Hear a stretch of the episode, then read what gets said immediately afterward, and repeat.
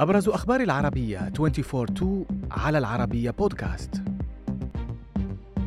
أردوغان في السعودية بمستهل جولة خليجية. ترامب يؤكد قدرته على حل أزمة أوكرانيا ب 24 ساعة. وموجات الحر والفيضانات تواصل فتكها بالعالم. في مستهل جولة خليجية وصل اليوم الرئيس التركي رجب طيب أردوغان إلى مدينة جدة السعودية في زيارة هي الأولى له منذ إعادة انتخابه في مايو الماضي. ومن المقرر أن يجري الرئيس التركي مباحثات مع القيادة السعودية في إطار تعزيز العلاقات السياسية والاقتصادية إضافة إلى تعزيز التعاون في مجالات منها الصحة والطاقة والأمن الغذائي والصناعات الدفاعية. وكان إردوغان أكد قبل وصوله أن السعودية من أهم دول المنطقة مشيرا إلى أن زيارته ستتناول مجالات عدة منها التعاون الثنائي في الاستثمارات.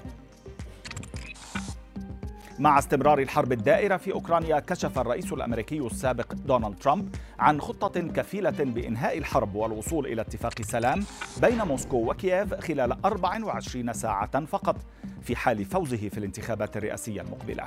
ترامب صرح لفوكس نيوز بأنه سيتصل بالرئيس الروسي بوتين لإبرام اتفاق مع الرئيس الأوكراني زيلينسكي. وحول كيفية حصول ذلك أكد ترامب أنه سيقول لزيلينسكي كفى أنت بحاجة إلى عقد صفقة. كما سيخبر بوتين بأنه إذا لم يتوصل إلى اتفاق فسيمنح أوكرانيا الكثير أكثر من أي وقت مضى. إذا لزم الأمر. بكل ضراوة لا تزال موجات الحر والفيضانات تفتك بمناطق عدة حول العالم. ففي الولايات المتحدة سيكون قرابة 85 مليون أمريكي عرضة لموجة حر شديدة. وفي كندا تواصل حرائق الغابات توسعها لا سيما في غرب البلاد. والأمر نفسه ينطبق على غابات جزيرة لابالما في إسبانيا. في المقابل تشهد دول أخرى في أوروبا وآسيا أمطارا غزيرة وفيضانات عارمة حيث حصدت الفيضانات والانزلاقات الأرضية أرواح العشرات في كوريا الجنوبية فيما شردت عشرات الآلاف في الصين وباكستان وغيرهما. في حادث مأساوي جديد بمصر لقي تسعة أشخاص مصرعهم وأصيب خمسة آخرون. إثر انهيار عقار سكني مكون من خمسة طوابق في منطقة حدائق القبة بالقاهرة.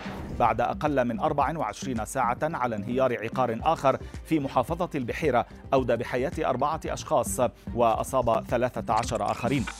محافظ القاهرة أعلن القبض على مالك العقار المنهار لقيامه بأعمال مخالفة دون تصريح أدت لانهيار البناء.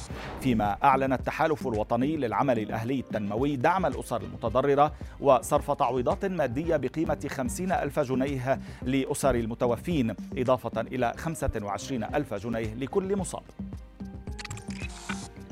نختم من تقرير لصحيفة وول ستريت جورنال قالت فيه أن سكان أوروبا باتوا أكثر فقرا وسط ارتفاع التضخم وانخفاض القوة الشرائية في وقت يرتفع مدخول المواطنين الأمريكيين.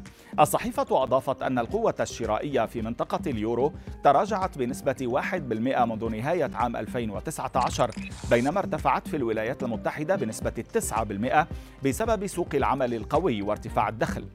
كما بلغ متوسط الأجر السنوي في الولايات المتحدة 77 ألف دولار في عام 2022 بينما يحصل سكان غالبية دول أوروبا على أقل من 60 ألف دولار.